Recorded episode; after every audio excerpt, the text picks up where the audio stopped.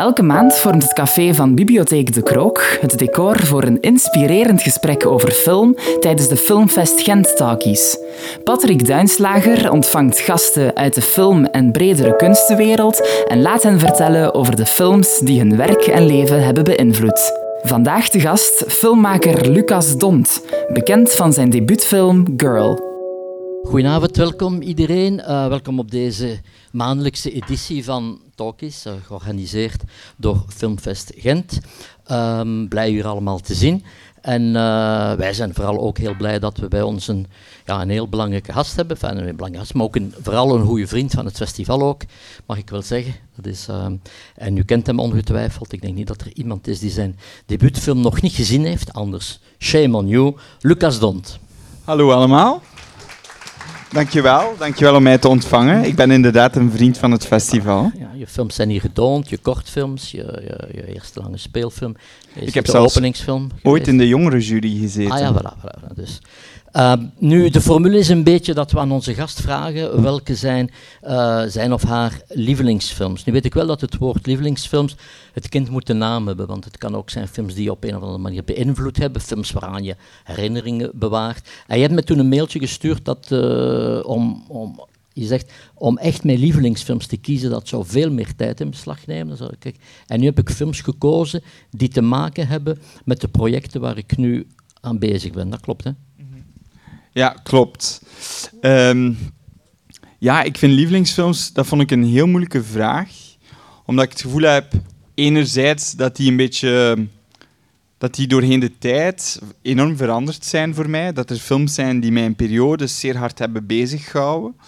En dan op momenten dat ik zelf in een andere fase van mijn leven ben gegaan of gaan onderzoeken ben, dat dat dan andere films zijn geworden die mij hebben beziggehouden. Dus om de analyse te maken wat dan die vijf absolute lievelingsfilms zijn, dat vond ik heel moeilijk. Dus heb ik eerder vijf films gekozen die mij op dit moment in, in het schrijfproces van die tweede film en gewoon ook daarnaast als mens bezighouden. Dus het is een tijdsopname, zou ik zeggen. Dus dat betekent ook dat we ongewild heel veel gaan te weten komen over dat nieuwe project. Ik wou jullie allemaal spoilers geven, dus voilà. Oké, oké. Uh, we zullen gewoon beginnen met de, de eerste film. Uh, ik heb ze gewoon in, in de volgorde gezet, die niet chronologisch is, uh, die een beetje willekeurig is. Bird, het is een film van 2004 van Jonathan Glazer. Ik weet niet of mensen die film gezien hebben. Ik heb het gevoel dat het een, een zeer gewaardeerde film is, maar ook niet een film die een massapubliek bereikt heeft dat vind ik nu eens echt een ondergewaardeerde films. Mm -hmm. ik, ik heb het gevoel dat die film, allee, als ik daar dan ook, uh, ik heb mij voorbereid op deze lezing, dus ik ben ook wat gaan. Sorry, we gaan de, de trailer tonen. Ah, we gaan Sorry dat ik u onderbreek, okay. maar eigenlijk had hij mij onder, had, had ik mezelf moeten onderbreken. We gaan de trailer tonen. Mensen die de film niet gezien hebben of hem lang geleden gezien hebben, hebben dan toch even een idee okay. waarover het gaat. Dus.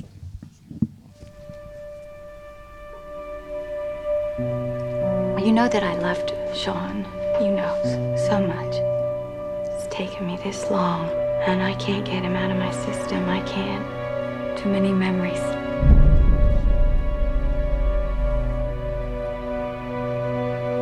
I understand that this is gonna sound crazy. I've met somebody who uh, who seems to be Sean. Am I to understand that that ten-year-old boy told you he was your late husband, Sean? He said, It's me, Sean. What am I supposed to think? He's back. What do you want? You'll be making a big mistake if you marry Joseph. There's a boy this tall who wants to marry my fiance. You're hurting me. Don't bother me again.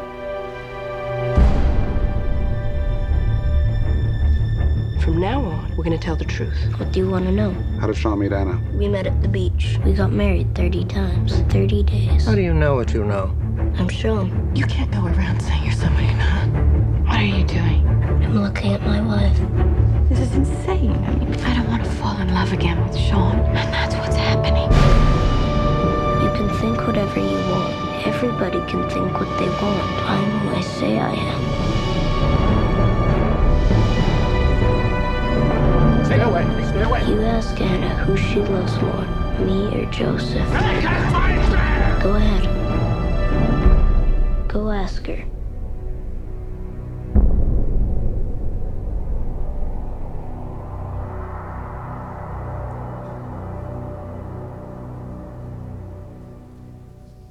Ja, voilà. Je zei ondergewaardeerd. Ik vind dat echt een ondergewaardeerde... Ik, ik vind... Dat is een film waar ik bijna nooit echt zo mensen over praten of, of die in weinig lijstjes terugkomt, die je dan ziet opduiken nu, terwijl dat ik dat echt... Ja, ik vind dat, vind ik nu een keer echt een meesterwerk. Ehm, het is een, eh, een film die in... Jonathan Glazer is de regisseur. Hij heeft daarna ook Under the Skin gemaakt met Scarlett Johansson, wat eigenlijk ook een on, buitengewoon goede film is. En eh, ja, het is ongelooflijk straf geschreven. Het is eigenlijk een film die mij vooral bezighoudt, omdat hij gaat over, over een van de, denk ik, ook centrale thema's waar rond dat ik bezig ben of veel werk. En dat is het idee van, van performance. Of identiteit als een performance. Eigenlijk op een bepaald moment verliest een vrouw haar man. En er duikt een jongetje van tien jaar op eh, aan haar appartement die zegt: Ik ben jouw overleden man. En vandaar neemt de regisseur je eigenlijk mee in een parcours van. ehm, ja, in een, in een zeer verwarrend parcours van geloven, niet geloven. En voor mij dat is een film die mij enorm is bijgebleven als, als in, in het teken van dat thema waar rond ik ook aan het werken ben. En dat is acteren. Eh, identiteit, ehm, geloofwaardigheid en eh, het soort performatieve van die jongen in die film, dat, dat, dat houdt mij enorm bezig. Met ook een geniale Nicole Kidman. Eh, en visueel is dat een regisseur die, die, ja, die ongelooflijk straffe dingen doet. Het is ook een film die, eh, zonder, vind ik dat de film provoceert, wel in zekere zin taboebrekend is. Ja, absoluut. Want op een bepaald moment krijg je natuurlijk een volwassen vrouw en een, en een jongetje van tien die, die dichter bij elkaar komen op het moment dat... Ja, en het is moeilijk nu om niet te spoilen, hè, maar die, eh, ja, die elkaar toch echt beginnen te verstaan. En, en, ehm, en zij hij vult echt wel die plaats voor haar in, van die man die er plots niet meer is.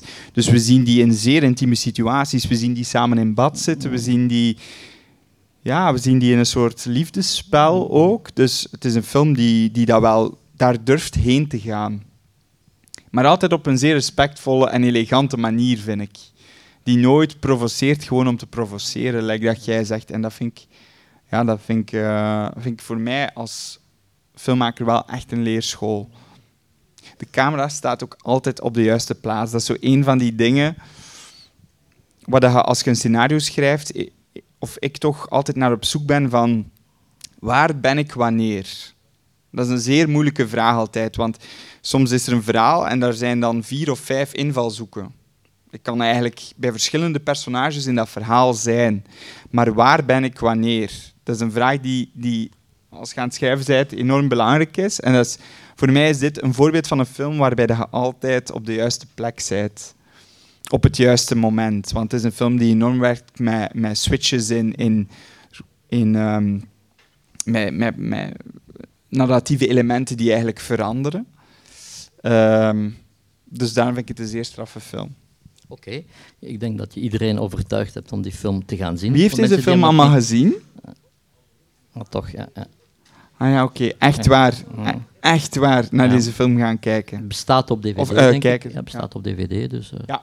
ja. Het is een fantastische film, inderdaad. Ook een regisseur die weinig films maakt, want ik denk, heeft daarvoor Sexy Beast gemaakt, Beast, dat oké was, maar dat zeker niet deed eh, eh, verwachten dat, dat, dat hij zo'n talent had, vind ik. En dan heeft hij nog die andere film gemaakt, die hij citeert. Die, eh, Under the Skin. The Skin, en dat is het dan, hè. En, en, en muziekvideo's en zo, geloof ik ook. eh. Ja, en hij gaat nu een film maken over de Tweede Wereldoorlog, denk ik, die hij nu volop aan het voorbereiden is. Maar het is eigenlijk inderdaad iemand die zeer lang doet, van tussen twee films. Kun je je daarin herkennen? In de zin van. Het is natuurlijk moeilijk, je hebt maar één lange film gemaakt, maar denk je dat jij ook iemand gaat zijn die, die heel lang, heel zeker moet zijn? Ik heel... hoop van niet. Eh, ik hoop dat het niet zo lang hoeft te duren. Dat zou ik wel jammer vinden, want ik ben wel echt iemand die... allee, voor mij is toch wel het, het proces dat mij het meest enthousiasmeert, is, is toch wel de draaiperiode. Is werken met acteurs, werken met performers, dat wat geschreven staat tot leven zien komen. Dus ik hoop dat dat niet even lang hoeft te duren als bij Jonathan Glazer. Aan de andere kant denk ik wel dat ik iemand ben die niet kan draaien vooraleer um, dat, mijn scenario, dat ik 100% zeker ben dat mijn scenario dat dat het werkdocument is waarmee dat ik aan de slag wil gaan. En aangezien dat ik zelf mijn films wil schrijven, is dat wel iets dat, dat tijd vraagt. Ik ben blij dat je het woord uh, werkdocument gebruikt, want ik hoor toch regelmatig ook mensen die over scenario's spreken, op zo'n manier dat je dan zegt, ja, waarom moet je dan de film nog maken? Ja, um, daarom vind ik zo prijsbeste scenario. Ik, heb, ik krijg daar zo'n rilling, een kleine rilling van. Ik hoop dat ik, dan, dat ik die prijs niet krijg, eigenlijk. En dat is, dat is echt niet... Uh, uh, van de scenario was goed, maar ja, was eigenlijk Ja, ik vind dat een heel ambetante prijs. Um, maar bijvoorbeeld, mijn, eigenlijk zou mijn eerste regieassistent hier beter bij zijn om daarover te spreken. Maar ik ben echt iemand... Ik ben... Allee, dat is... Ik probeer uh, dat een beetje in toom te houden, maar ik ben wel iemand die opzet echte dingen omgooit en omgooit en omgooit. Bijna soms tot het... Um, ja, het frustrerende toe van, van, van mensen die wel ook naar een houvast zoeken op zo'n set. Maar ik, ik, tot nu toe, tenzij dat ik echt een scenario heb waarin dat elke zin mij nauw aan het hart ligt, ben ik wel iemand die ook op zoek gaat naar het leven dat ontstaat, naar, naar uh, de onvoorspelbaarheid. Ik denk, het leven is zo onvoorspelbaar en wij als mensen zijn zo contradictorisch dat het soms heel raar is om een scenario te proberen schrijven en mensen te proberen grijpen of situaties te proberen verstaan, omdat mensen toch soms averechts reageren van hoe dat je verwacht dat ze dat zullen doen. Dus ik probeer die vrijheid, ik probeer die opzet wel echt te geven. En ik heb recent een, um, een film gezien, The Souvenir. Ik weet niet of dat iemand die film gezien heeft, maar dat is een Britse film van een Britse regisseuse, Joanna Hawke. En zij gaf een interview aan de BFI over hoe dat zij werkt op set. En zij werkt met grote acteurs, Tilda Swinton, en toch wel mensen die, ja, van, een groot, van een zwaar kaliber. En zij geeft dus enkel, dus zij komt op set en, en, en elke dag, er, is, de, er is, wordt niet gecommuniceerd wat er precies zal gedraaid worden. En de acteurs krijgen ook niet echt dialoog, niet echt tekst. Natuurlijk zijn er meerdere regisseurs die zo werken. Maar zij ja, zij draait elke take anders. Ze voegt elke take een nieuw element toe van de scène die ze, waar ze uiteindelijk toe zou willen, wil komen. En bij de laatste take belandt eigenlijk met alle heeft iedereen alle informatie en belandt ze eigenlijk aan wat ze wil. Maar vaak gebruikt ze een van die eerste takes ook wel eens. Uh, een take waar dus niet iedereen al die informatie had. En dat proces van regisseren, dat proces van um, tot leven zien komen, dat is wel iets natuurlijk, denk ik, als jonge regisseur, die mij wel intrigeert. Oké. Mm uh, kunnen we misschien overgaan tot de tweede film? Uh, dat is een film van François Truffaut, ah, ja. 400 coups van 1959. En dit is de eerste film van François Truffaut, die, zoals je misschien weet, uh, een van de grote, een van de tenoren van de Nouvelle Vague.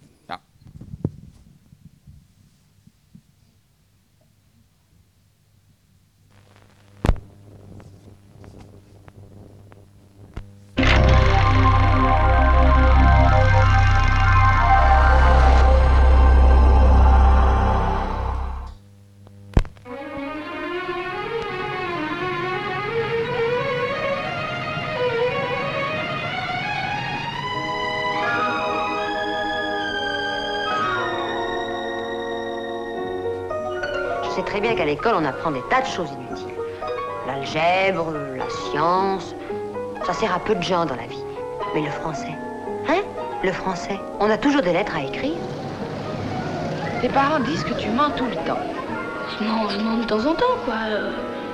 Des fois, ils... je leur dirais des choses qui seraient la vérité, ils ne croiraient pas, alors je préfère dire des mensonges. Si tu me demandes 1000 francs, c'est que tu en espères 500, donc tu as besoin de 300. Tiens, voilà 100 balles. Tiens, voilà 520. Mais en principe, c'est ta mère qui fait ça.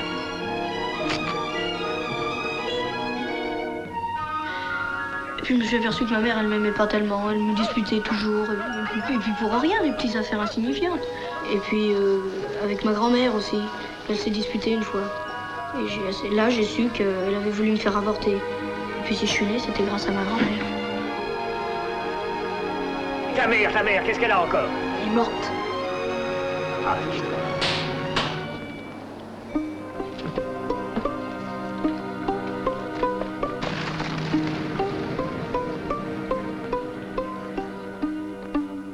Enfin, dans la mesure où on travaille tous les deux, vous savez ce que c'est. Oui, je suis père de famille, moi aussi. Faut reconnaître que parfois, on ne s'y retrouve pas très bien. Mais si seulement il avait voulu se confier à nous.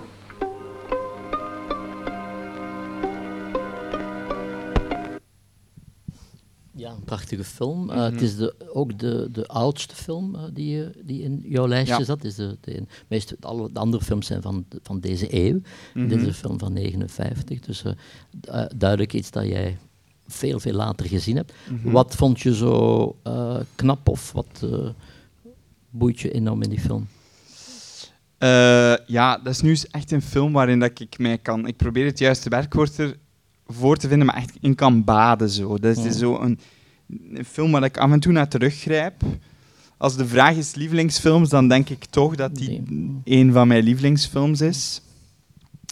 Eh, een film over een vrijheidsstrijd van een, eh, van een, van een jongetje. Eh, inderdaad, New Wave. Een film waar trouwens 4,1 miljoen mensen in Frankrijk toen naar zijn gaan kijken. Dat zijn Gigantische cijfers. dat zijn gigantische cijfers, daar kunnen wij nu alleen maar van dromen. En het is een film die mij enorm raakt, eh, die, die enorm poëtisch vertaald is, de manier waarop Parijs gefilmd is, de manier waarop die jongen dwaalt. De, het is echt een film die mij, die mij bezighoudt en waar ik ook heel vaak naar refereer, voel ik. En het is een film die nu zeker specifiek enorm hard in mijn leven is, omdat mijn volgende film, hier komt de eerste, eh, er is- niemand aan het filmen, nee. Eh, mijn volgende film, het hoofdpersonage in mijn volgende film is een jongen van 12. Ehm, en is dit voor mij wel echt zo een van die films die ik als referentie, als voorbeeld gebruik, waarvan, waarin dat ik vind dat de leefwereld van die jongen en de manier waarop naar volwassenen gekeken wordt, de manier waarop er naar de wereld gekeken wordt, zeer authentiek voelt. Ehm, en dus is het een film die heel hard in mijn eh, atmosfeer zit op dit moment. Waar ik probeer verwijzingen naar te, te maken ook. Ehm, er zijn een paar iconische scènes in die film, zoals de eindscène. En, ehm, En als hij zegt dat zijn moeder gestorven is, Ja. dat zijn moeder dood is. Ja, het is, het is echt zo, ja. Het is, eh, een, ja, het is een vrijheidsstrijd. Hè. Het is iemand die, wil, eh, die tegen schenen schopt en die, wil, eh, die niet past binnen dat, binnen dat heel strikte. Het is natuurlijk de jaren 50, dus het is, eh, het is een zeer strikte eh, school ook, eh, heel strikte omgeving. Dus het is een tijdsdocument. En dan probeer ik mij daar enorm hard tegenover te verhouden, want de film die we nu aan het schrijven zijn, op een bepaalde manier moet dat ook een tijdsdocument zijn, denk ik. En dan probeer ik te denken, oké, ja, op welke manier geven we, moeten we die tijd dan weergeven? Nu kind zijn, nu 12 jaar zijn, op dit moment. Wat houdt dat in? Wat wil dat zeggen? Wat is er anders dan in Le Quatre Sans Coups? Wat is er hetzelfde? En, ehm, dus het is een film waar ik mij veel tegenover verhoud, waar ik mij veel mee confronteer op dit moment. Een andere dimensie in die film, die we natuurlijk mensen, het publiek toen niet kon vermoeden, want is dat dat een eerste film is van wat uiteindelijk een cyclus is geworden, Ja. waar je dus Jean-Pierre Léaud, die, Ja, de jongen, die, ja. die jongen die- voor cinefielen is dat ook heel een ontroerende film, omdat die Jean-Pierre Léaud nu nog altijd films maakt, niet zoveel. En in die, die reeks films eh, zijn er geloof ik drie gemaakt, drie lange speelfilms en ook een kortfilm, waarin je datzelfde personage ziet verouderen. Klopt. Heb je dat gezien of heb je die andere ja, ook? klopt. Ehm, maar ik vind hem wel hierin het meest... eh, het is eigenlijk Boyhood Pré la Lettre. Ja, ja. Eh, maar ik vind hem wel hier... ehm, ik vind die jongen hierin zo... Ja, er is iets dat mij enorm raakt aan die Mhm. performance hier van die jongen. Eh, dus de befaamde ondervragingsscène ook. Dus voor mij is het wel mijn favoriet, eh, moet ik zeggen. Ja, het is ook omdat hij op dat moment ook nog geen acteur is in feite. Het is, Nee, nee, nee. En hij is het personage. Klopt. En de manier waarop dat er met hem gewerkt wordt, ook in die tijd, is wel een zeer vrije, zeer authentieke performance. Er is ook veel met improvisatie gewerkt voor die film. Eh, er is een grote ondervragingsscène, bijvoorbeeld in die film, die helemaal geïmproviseerd is. Dus het is, eh, het is, ja, het is, het is niet alleen qua scenario, maar ook in, in, met kinderen werken. Er, er komen nog films waarin, waarin kinderen voorkomen. En het is iets wat ik tijdens mijn studies eigenlijk ook heb gedaan. Ik heb vaak met kinderen gewerkt. En het is, blijft een groot vraagteken van wat is dan een goede manier om met kinderen te werken. Het is iets zeer aantrekkelijk, omdat het, omdat het mensen zijn... Of, dat het eigenlijk nog geen acteurs zijn. Dat mensen zijn die vaak heel intuïtief, eh indien juist gecast natuurlijk, maar die heel intuïtief reageren. Die eh, ja, iets van zichzelf meebrengen. Ehm, en ik denk dat dat als regisseur wel iets zeer, aantrekkelijk is. Het is ook een periode waar vaak naar teruggedacht wordt als een, als een, in een vorm van nostalgie. Ehm, dus voilà, daarom is die film voor mij ook wel een die, ik- die ik onderzoek. Oké. Goeie, mooie keuze vind ik, die film van Truffaut. Truffaut was trouwens een ongelooflijk eh, re- eh, eh, regisseur van acteurs en actrices. Dus is iemand die echt op een, heel, op een heel diepe manier met die mensen werkte. En ook sterk verbonden met zijn privéleven altijd. Truffaut. Maar dat is misschien een ander soort verhaal. Dat we Vertel nu, eens over zijn privéleven. Nee, maar castte hij, werkte hij met mensen die, waar hij samen mee was? Of, eh? Nee, ik castte actrices omdat hij die goede actrices vond. Maar er is maar één actrice eh, met wie hij gewerkt heeft, eh, met wie hij geen, wat men zal schoon noemen, een romantische verhouding gehad heeft. Dus, eh, Mm. Dat is Isabella Gianni. Ja. Ah, oké. Al de rest was. Dus het was iemand die. Maar je voelt dat die films, als die film toont, film maakt, dat die ook verliefd is op die actrices. Ik vind dat je dat kunt voelen. Ik weet niet of jij dat ook ziet in films. Dat, dat, eh, het is niet alleen de camera, het is de regisseur uiteindelijk die, die niet achter de camera staat, maar die wel bepaalt hoe de camera iemand ziet. Zeker. En de manier waarop soms naar iemand gekeken wordt. In die manier kun je, kun je enorm veel warmte en intimiteit voor Mm. iemand voelen. Dat kan niet anders. Maar ik ga nu eens anders naar zijn films kijken, zie, nu ik dat weet. Ja, ja, ja. Ja. Ja. Catherine Deneuve, dat zijn de grootste actrices van Ah, ja, ja, Frankrijk. ja. Catherine Deneuve, twee films. eh eh, Fanny Ardant, met wie hij, eh, met wie hij een kind heeft dan eh, later. eh. Dus eh, fantastisch, ja. Zeer, zeer grote romanticus, eh, François Truffaut. Ja, maar echt. Maar in, de vroegere tijden was romantiek, op, werd dat op een andere manier beleefd of geïnterpreteerd. We gaan overgaan tot de volgende film, Mm. The Tree of Life. Bij die sluit daar perfect bij aan. Want, ja, ja. ja, die sluit daar perfect bij aan. 2011, Terrence Malick. Eh, je sprak daarvoor die Britse films die, als ik kan samenvatten, kort door de bocht, die bijna op een organische manier groeit. Ik denk dat Terrence Malick daar het schoolvoorbeeld van is, van films die het gevoel hebt dat die ter plekke ontstaan zijn.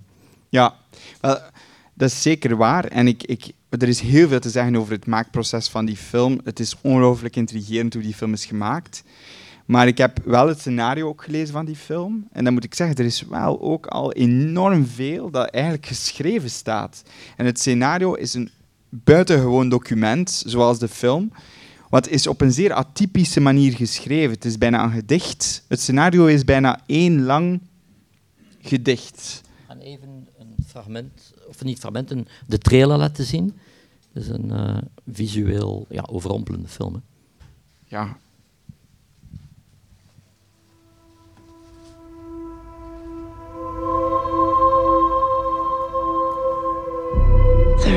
ways through life the way of nature and the way of grace. You have to choose which one you'll follow. We're alligator. You'll be grown before that tree is tall.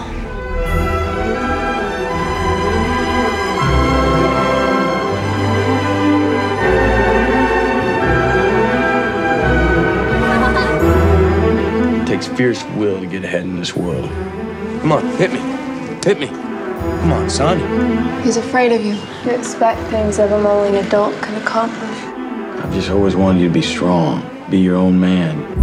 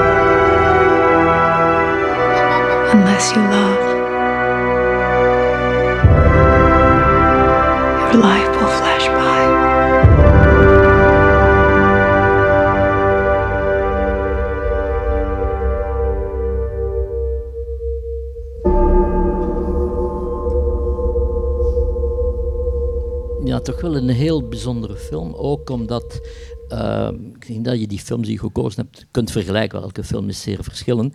Maar zowel de eerste film, uh, Bird, als de film van Truffaut, zijn films dat de toeschouwer die wil zien of kan zien wat daar zo uitzonderlijk aan is, dat dat zekere kennis vereist of een zekere grote aandacht.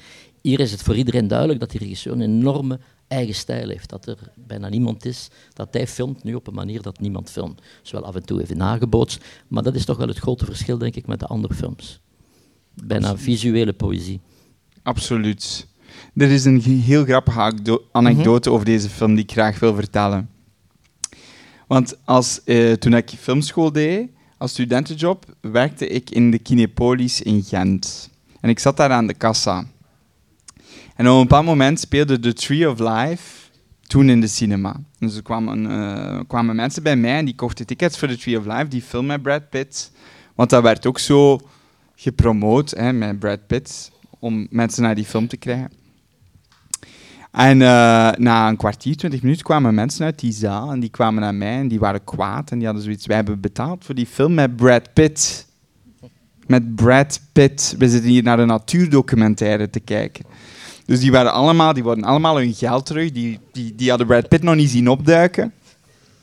Die waren allemaal enorm teleurgesteld.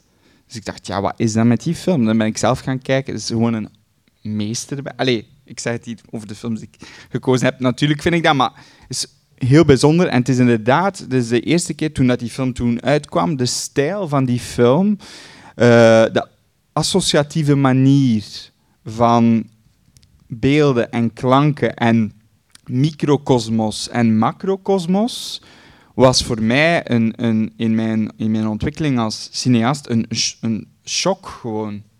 Dat dat kon. Dat, dat ik eigenlijk voor de eerste keer op die manier poëzie bijna vertaald zag naar beeld. En dan denk je natuurlijk, hoe kan ik dit kopiëren zonder op te vallen? Um, wat dat bij de beste films, wat ik altijd denk als ik een goede film zie, hoe ga ik dit kopiëren en doen alsof het mijn idee was? Um, en dat is toch wel een van die films waar ik dat echt bij voel. Ik voel me daar zo mee verbonden. En het is een film waarover heel veel gediscussieerd wordt. Veel mensen vinden het ook echt maar niks. Maar de regie van kinderen in die film, de regie van die kinderen in die film, er is iets zo spectaculair daaraan. Waarna ik ben beginnen opzoeken van hoe hebben ze dat gedaan, hoe hebben ze die kinderen geregisseerd. Want het lijkt alsof dat ze een documentaire gefilmd hebben. Soms moest het niet met Brad Pitt zijn, zouden we denken, en Jessica Chastain, wat ook een fantastische actrice is, zouden we denken het is een documentaire. Maar ze hebben dus een hele, hele straat, een heel dorp uh, gebruikt, gebouwd, waarin die acteurs konden rondlopen, spelen, voortdurend in dezelfde kostuums, waarbij de cameraman gewoon mee rondliep. Een vlinder passeerde, ze filmden de vlinder. Ze, ze wouden dus een dag twee scènes doen, dus een dag niks. Het is een film die, die ook 32 miljoen heeft gekost. Dus het is... Uh, ja, als regisseur is dat toch wel een droom natuurlijk, dat je op die manier kunt werken. Zeker als je met kinderen werkt. En het is wel voor mij, want hij heeft daarna heeft nu recent um, uh, A Hidden Life gehad, uitgebracht. Want ik ben daar naar al zijn films daarna geweest, die in diezelfde stijl zijn. Maar dit is voor mij toch wel de meest gecontroleerde... Allee, de film die het meest juist zit. Uh, ik denk dat hij daarna die stijl, die losse... De stijloefeningen soms. Ja, dat vind ik wel. Want wat jij nu zei van, over Brad Pitt, ja, die mensen zijn buiten gegaan. Maar die ironie is dan ook, als je de film tot het einde ziet, dat Brad Pitt daar een ongelooflijke sterke vertolking op brengt. Ik denk het beste dat hij ooit gedaan heeft in die film. Dat denk ik ook. Het is, uh, want ik vind dat Brad Pitt... Allez, sorry voor de Brad Pitt-fans. Mm -hmm. ik, ik, zie nogal vaak Brad Pitt. Ik ben nu recent naar dat Astra geweest mm -hmm. en... Ik, dat laat mij zo warm nog koud. En... Um, En ik vind dat hij daar in die film, wat hij daar doet, terwijl dat hij de rol eerst naar iemand anders zou gegaan zijn. Het is maar omdat hij executive producer was dat hij, en die acteur viel weg, dat hij die rol heeft gespeeld. Maar ik vind zo'n buitengewone vertolking. Ja, het is ook zeer zelden dat je een ster ziet van die envergure die eigenlijk elke ijdelheid wegvalt. Dus het is Ja. iemand die zich bijna volledig heel kwetsbaar opstelt. Ja. Ja, het is, eh, is moeilijk dat te evenaren, toch, vind ik. Oké. Eh, als u hem niet gezien hebt, zeker ook een aanrader. Eh, trouwens, even zeggen dat, dat ik denk dat die vijf films ook in de bibliotheek beschikbaar zijn. Dus het is altijd goed om daarna de film uit te lenen. We gaan nu over naar de volgende film. Allemaal lopen ze biedt naar de Ja. dvd-rek, Ja. om ter eerst. Ja. We gaan Hoeveel nu kopieën zijn er? Elke week iemand. hè? ja. Elke week. Ehm, de volgende film, voor we naar de, de trailer kijken, wou ik even zeggen, is in Cannes getoond geweest. En ik herinner me, dat was zo'n soort rare bus rond de, bus rond de film. En eh, ik ken de meeste mensen kennen ook de regisseuse niet, zelfs al had ze daarvoor al twee films gemaakt. En het gerucht ging dat dat een Duitse komedie was.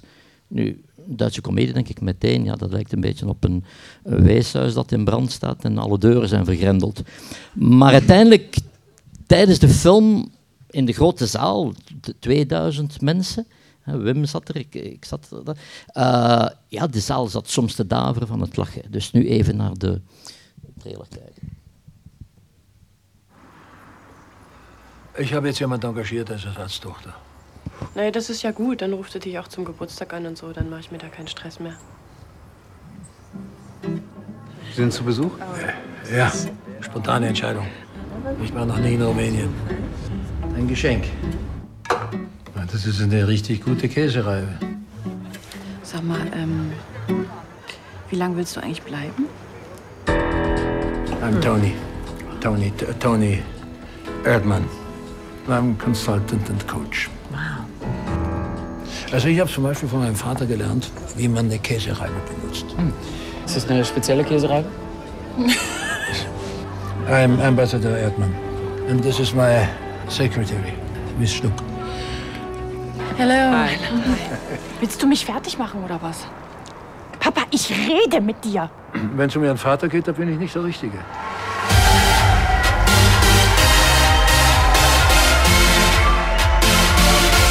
Hast du in deinem Leben noch irgendwas vor, außer anderen Leuten ein Furzkissen unterzuschieben? Ich hab gar kein Fußkissen. I have to arrest you. So, und jetzt mach's bitte auf. So. Das Schuh mit dem Schlüssel.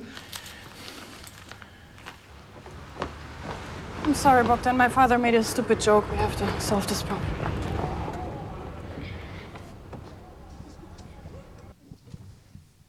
Vond het een heel rare film. Ik weet niet, als je hem de eerste keer gezien hebt, was je meteen mee met de film? Want de... De trailer is echt niet op het niveau van de nee, film. nee, hè. Maar ehm, ja, echt waar, ik kan jullie echt één ding aanraden. Ik weet niet wie dat hem nog niet gezien heeft, maar eh, ga, Hm. kijk absoluut naar die film. Ik vind, ik, ja, ik vind dat buitengewoon. Echt waar. Ik heb zoveel... Ik, heb, ik vind com- als regisseur en als schrijver, comedie vind ik iets zeer moeilijk. Dat is iets waar ik een zeer rare verhouding mee heb omdat ik denk, dat is ongelooflijk moeilijk. En com comedy is ook zoiets specifiek. Ehm, maar waarom dat die film hier nu in mijn lijst staat, is omdat ik echt meer en meer voel van binnen dat ik graviteer naar, naar een, een, een goesting om ook met comedy aan de slag te gaan omdat daarvoor tijdens de filmschool en serieus en waarover willen we toch praten en, en zware thema's komen altijd harder binnen. Maar toen ik deze film zag, ik heb ge, geweend van het lachen en ik heb ook echt geweend van het verdriet en ik denk dat het ja, het is toch een van die zeldzame keren waarbij dat, dat iets zo is binnengekomen bij mij. En ik besefte daarna dat vaak door, door op die manier, op een komische manier, om te gaan met een, met een, een tragiek of een tristesse ook, ja, dat je misschien soms meer bereikt. Ik weet het niet. In het ik babbel nu zowel in het leven als, als, als in film. En het is een film waar altijd op is neergekeken geweest. Zelfs, want ik, ik weet toen dat wij Ik heb maar een adem mogen ontmoeten. En, Tony Ertman werd geselecteerd voor Cannes. Een Duitse komedie die geselecteerd werd voor Cannes. En veel mensen vonden dat maar een tv-film. En veel mensen vinden dat nog steeds maar een tv-film. Maar ik vind dat dus absoluut niet. Ik vind dat van een poëzie, van een grootsheid. Ja, ik heb, ik heb eigenlijk nog maar zelden zo'n goede komedie gezien. Die eigenlijk ook over dingen gaat. Eh, feminisme, eh, vader-dochterrelatie, afstand, communicatie. Ja, de, on- de onzin van de consultancy. De on- onzin van de consultancy, eh, inderdaad. Maar gewoon over, ja, ik vind dat... En ik moet wel zeggen, ook persoonlijk, ik ben een enorme zoektocht aan het doen naar hoe dat ik bepaalde thema's en onderwerpen die ik anders misschien vroeger direct zou bekeken hebben vanuit een drama met een dramatische bril, hoe dat ik die kan bekijken vanuit dat tragicomische. Ehm, en ik heb daar nog geen antwoord op, maar ik weet wel dat voor mij die film een, een, eh, leidraad is.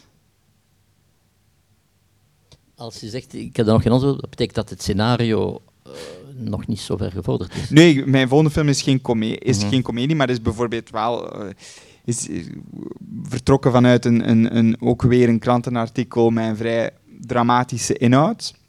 En terwijl dat ik aan het schrijven ben, denk ik, en ik ben daarmee bezig, maar dan denk ik, goh, zo'n komedie, dat zou ook wel eens tof zijn. Zo, om, om, om op een komische manier met bepaalde onderwerpen om te gaan. En dan zijn er wel bepaalde thema's en personages waarover ik wil schrijven die zich daartoe lenen.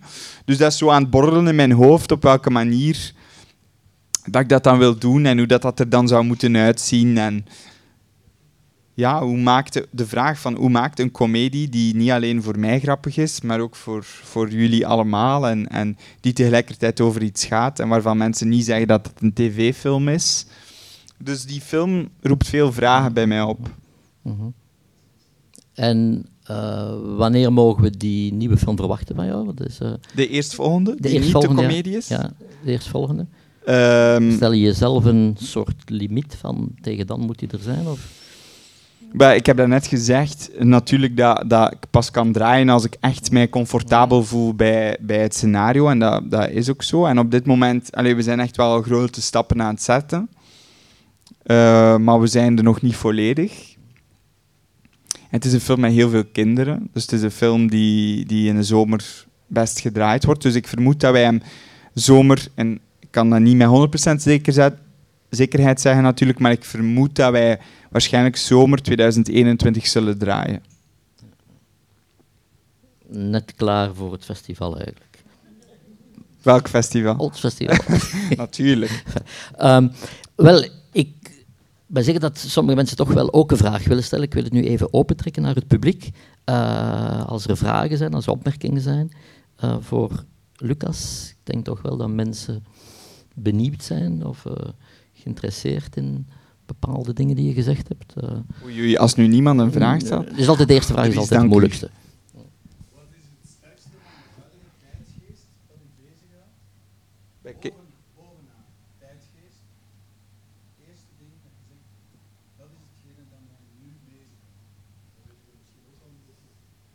Je bedoelt in, context, in de context die het schrijven met de kinderen.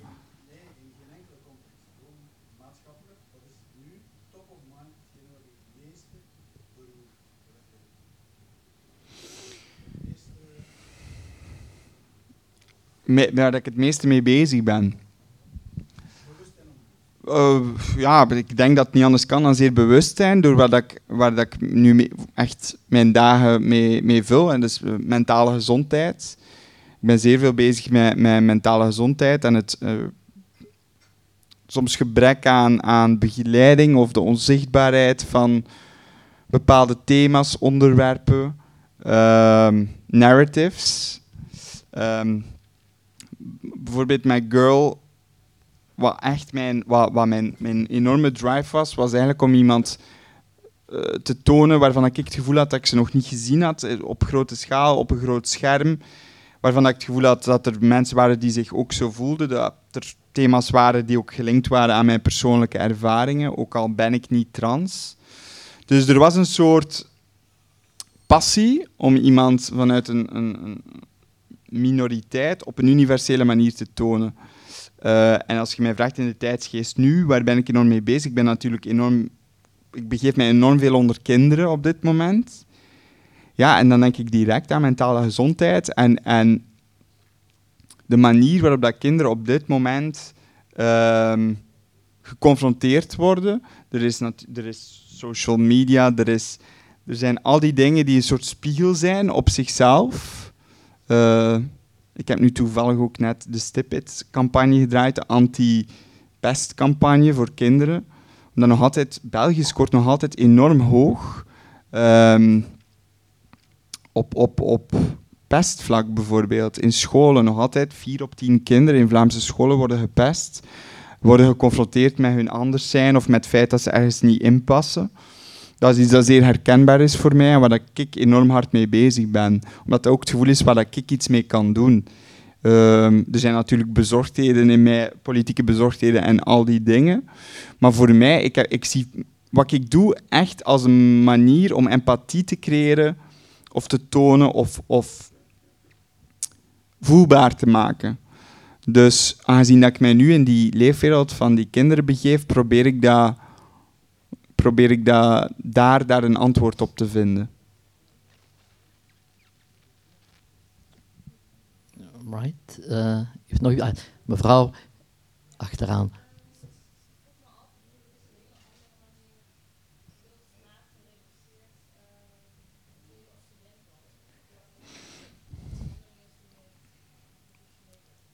Misschien even de vraag herhalen. Van met, uh, mevrouw vraagt of u, nu, of, u, of u op een andere manier nu films maakt dan toen u nog student was.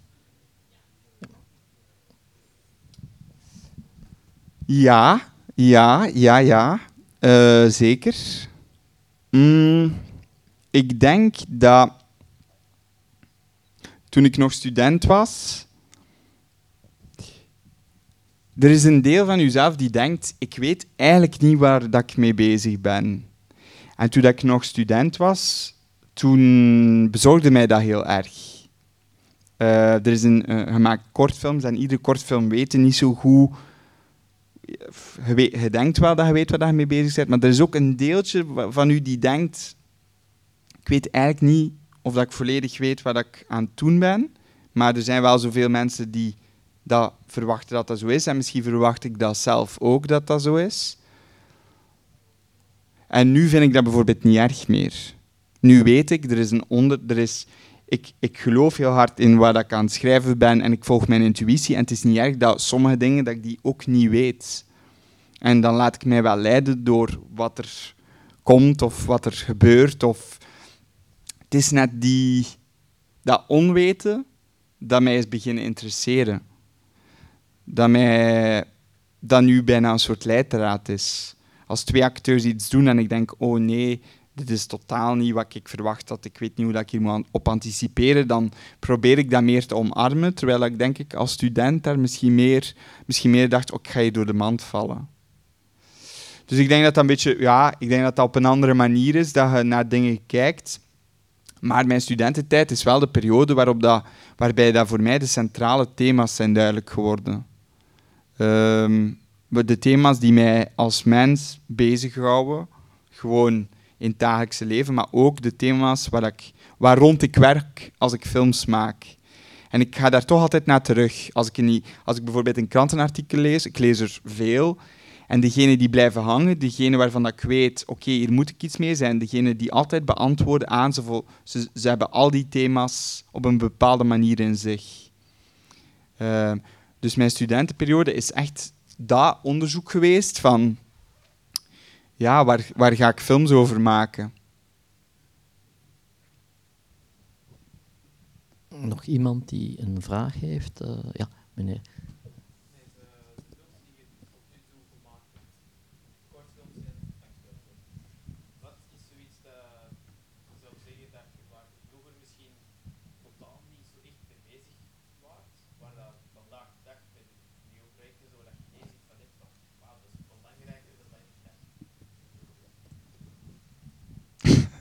Ik zou willen zeggen contracten, maar uh, be aware people. Nee, nee, uh, klinkt, uh, klinkt niet to the point. Um,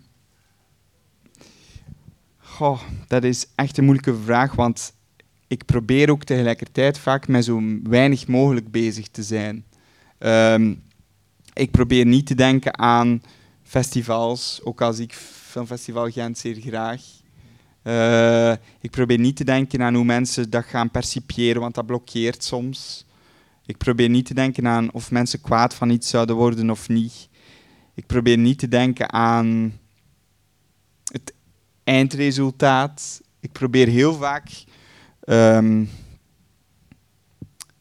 te schrijven en ik voel van oké, dit is nu wat ik voel dat ik moet doen. Ik kan nog niet helemaal, ik begrijp ook soms niet helemaal waarom, uh, maar ik ben het aan het doen en,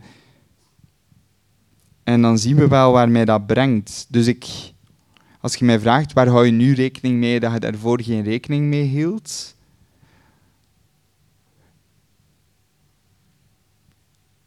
dat het persoonlijke en wat heel klein voelt, bijvoorbeeld Girl is echt gestart ja, op mijn appartement. Uh, we hebben daar vier jaar klein aan. En dat, heeft zo, dat is zo zichtbaar geweest. Dat is iets waar dat je geen rekening mee houdt, dat dat kan. Dat dat een dergelijke schaal aanneemt. Dus ik ben mij nu wel bewust van het feit dat iets dat hier zou kunnen ontstaan tussen ons, stel dat wij een brainstorm doen, graag trouwens, hè, als jullie ideeën hebben, maar uh, dat dat kan zijn dat dat een heel grote schaal krijgt plots. Dat dat, en dat je dan um, heel veel meningen en heel veel mensen en heel veel blikken krijgt. Maar dat is dus ook wat ik net zeg, dat ik probeer geen rekening mee te houden. Dus ik probeer met zo weinig mogelijk rekening te houden. Ah, mevrouw. Wel is een ongelooflijk succes. Speelt dat nu een rol in het maken van de volgende film? Want ik moet dat weer doen. Uh, zal moeilijk zijn. Mm, Echt dat een druk? um, dat is een goede vraag, maar ook een moeilijke vraag. Um, het, wat sowieso gedaan heeft, is ik ben een jaar en een half eigenlijk de film overal gaan voorstellen over heel de wereld. Dat is een periode geweest waarbij dat ik mentaal niet beschikbaar ben geweest om aan een volgende film te denken. Het is pas nu, de laatste 7, 8 maanden, dat ik voel dat ik die mentale beschikbaarheid heb om echt aan die volgende film te werken. Dus dat heeft, het zeker, heeft zeker een impact gehad op die tweede film. En dan, en dan denk ik in essentie, um, en dat, is misschien, dat klinkt misschien raar, maar in essentie maak ik echt de films die ik maak voor mezelf. Uh, dat wil niet zeggen dat ik niet hoop dat daar enorm veel mensen naar gaan kijken en iets aan hebben en zich tegenover verhouden en op reageren. Maar ik maak die films uh, niet om iemand anders te plezieren, maar echt omdat ik voel, omdat dat een bepaalde drive is, al, van dat ik, sinds dat ik 7, 8 jaar oud ben, dat dat moet dat ik dat niet anders kan. En, en uh, vroeger zag ik cinema als een manier om te vluchten, nu zie ik cinema als een manier om te confronteren. En dus ik zie dat als een, als een noodzaak voor mezelf. Dat zorgt ervoor dat alle meningen, hoe positief en hoe negatief ook, mm, dat op een bepaalde manier die ook relatief zijn. Omdat ik natuurlijk wilde dat iets goed onthaald wordt en dat mensen zoiets hebben, fantastisch. En, en, maar het is ook op een bepaalde manier relatief, omdat ik weet, ik doe het in hoofdzaak, omdat ik voel dat dat, dat, nu eenmaal moet. En dit is de heel theoretische uitleg. En dan is er um, mijn gevoelswereld. En dan voel ik wel af en toe, als ik aan het schrijven ben, dat ik denk, oh, ik hoop dat iedereen dat even goed vindt, of dat mensen niet heel de tijd mij confronteren met het ding, het was beter of slechter dan Girl. Dat voel ik. Dus ik voel wel, ik kan niet ontkennen dat er een bepaalde. dat ik er wel mee bezig ben.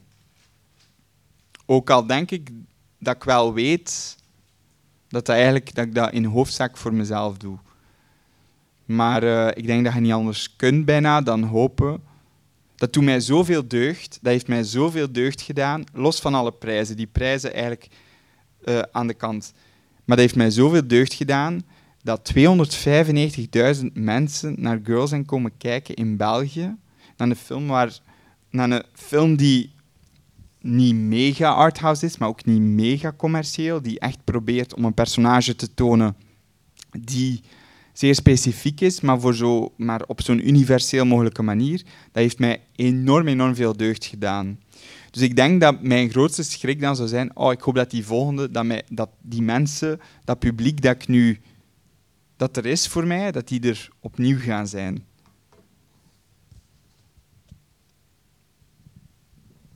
Nog iemand? Ah, jonge, jonge man.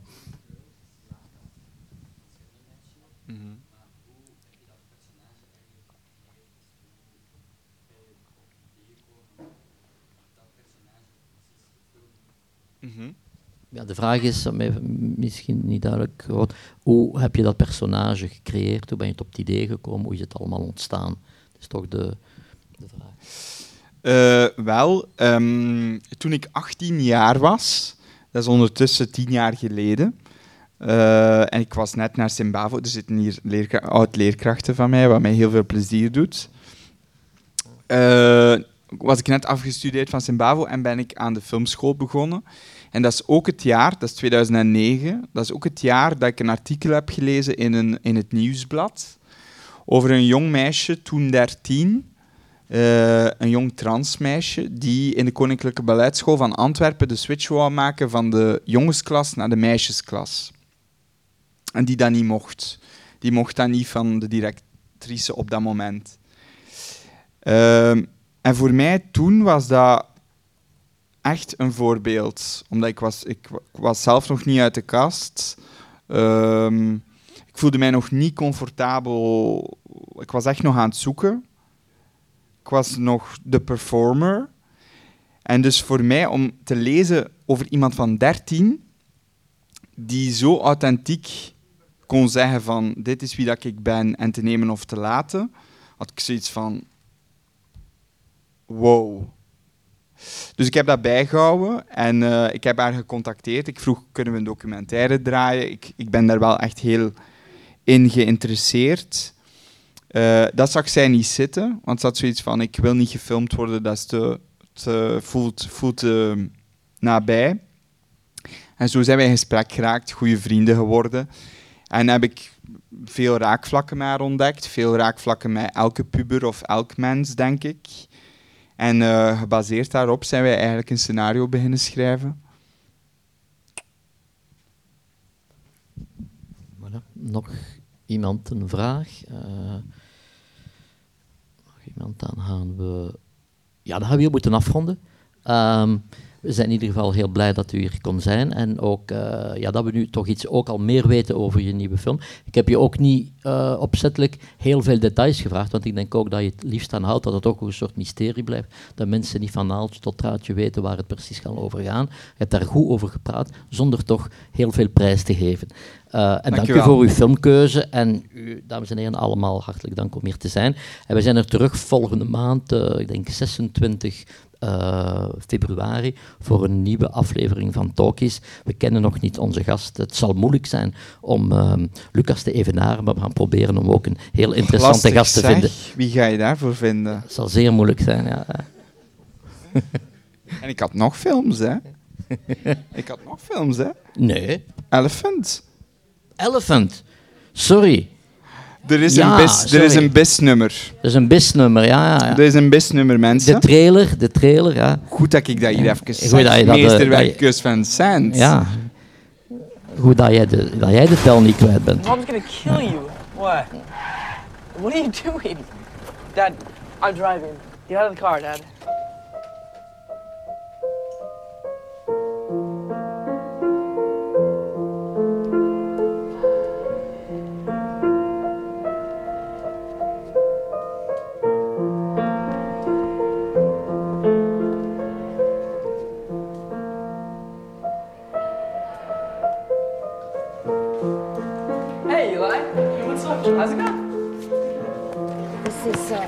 Not going to do it. These long pants. Everybody else is wearing shorts. What's the matter? I don't want to talk about it.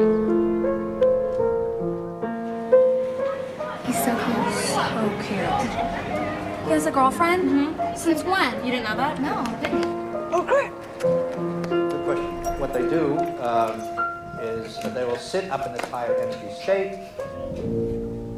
Where are you riding? Oh, this? Yeah. It's my plan. For what? Oh, you'll see. What are you doing? Yeah, they'll come back.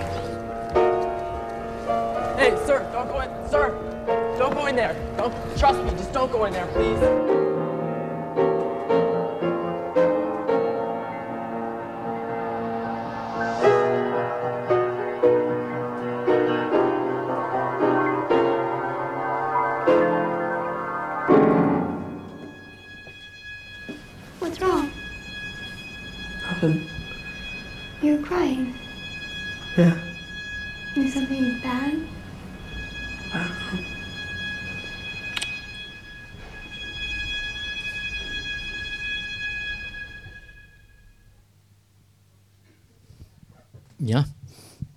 Prachtige film. Eh, Mm. ondanks het feit dat, wat is interessant om die film natuurlijk te zien, vergeleken met je andere voorbeelden, wat je Mhm. zei over kinderen. Ondanks het feit dat er heel veel spontaan lijkt en, en heel open en heel, ja, heel spontaan, is dat toch een zeer conceptuele film die echt heel strenge regels volgt. Ja, een, een eh, heel conceptuele film. Zeer gechoreografeerd. Dat is ook iets wat mij enorm aantrekt. Ik ben, ik ben, ik ben ook, denk ik, in, in, als ik aan het schrijven ben, zeer hard bezig met zo een, het idee van choreografie of van camera of van beweging. Eh, het is een ongelooflijk relevante film, jammer genoeg, zeker voor de States. Ehm, terwijl dat hij toch van, ik weet niet precies van welk jaar hij is, 2001? En 3, ja. Eh, terwijl dat hij toch ook al wel eh 17 jaar oud is. En dat is ook zo'n filmshock geweest voor mij. Zo van, ah, dat kan ook met een camera. Eh, vaak als je denkt over manieren van, van vertellen met een camera, dan denk je natuurlijk aan al die voorbeelden die we kennen. eh, Franse cinema, Amerikaanse cinema. En ik weet nog, toen ik die film zag, de manier waarop de camera beweegt en de manier waarop dat de camera de personages volgt, de choreografie van de film, dat ik daar echt... Ja, dat ik dat buitengewoon vond. Het is trouwens iemand, Gus Van Sant, die heel veel naar Chantal Akkerman heeft gekeken, een Belgische cineaste. En dat voelde ook wel, vind ik. En dat vind ik heel interessant. Ehm, en hij heeft eigenlijk verschillende zeer goede en zeer slechte films gemaakt. Maar dit behoort absoluut tot de zeer goede. Eh, en ik denk natuurlijk als, als jonge maker en zo tienerwerelden en de manier waarop dat hij die weergeeft en onderzoekt, vind ik heel interessant. En eh, ja, zinloos geweld. Geweld, maar op deze manier getoond, bijna zonder uitleg, bijna zonder ehm, explicatie. Dus ik vond dat... Ja, dat heeft mij, dat heeft mij, dat heeft mij gechoqueerd, is zo'n groot woord, maar dat heeft mij toch een mokerslag gegeven. Dank u wel. Nogmaals, Lucas, dank u wel. Dames en heren, voor de tweede keer, hartelijk dank om hier allemaal aanwezig te zijn. Eh, en ja, Lucas, bedankt. En vooral veel succes met je nieuwe film. We kijken er echt naar uit. Dank je wel. Dank u.